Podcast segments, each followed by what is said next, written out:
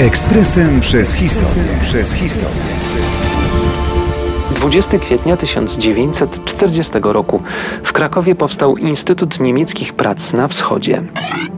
Powstanie tej instytucji było jednym z wielu przejawów panoszenia się niemieckiej buty na okupowanych ziemiach polskich. Cel był prosty: udowodnić, że okupowane tereny były w istocie niemieckie u swego zarania. Instytut Niemieckich Prac na Wschodzie został powołany jako placówka naukowa o charakterze antropologiczno-etnograficznym z siedzibą w krakowskim Kolegium Majus.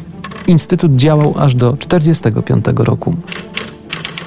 Kiedy Niemcy zamknęli Uniwersytet Jagielloński, we władaniu pseudonaukowego instytutu znalazły się także niezwykle bogate zbiory Biblioteki Jagiellońskiej.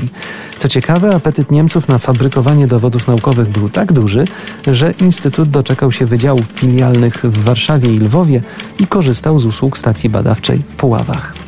Dyrektorem Instytutu Niemieckich Prac na Wschodzie był niejaki dr Wilhelm Koblitz, niemiecki prawnik i urzędnik, członek NSDAP.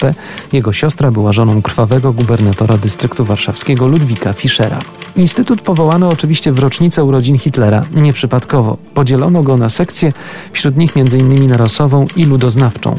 Wiadomo, co oznaczało to w niemieckim wydaniu. Badania, cudzysłów niezbędny, prowadzono w wielu rejonach okupowanych, także na terenie getta w Tarnowie. Wielu Polaków zostało zmuszonych do pracy w instytucie, część zgodziła się na to za przyzwoleniem miejscowych struktur Armii Krajowej.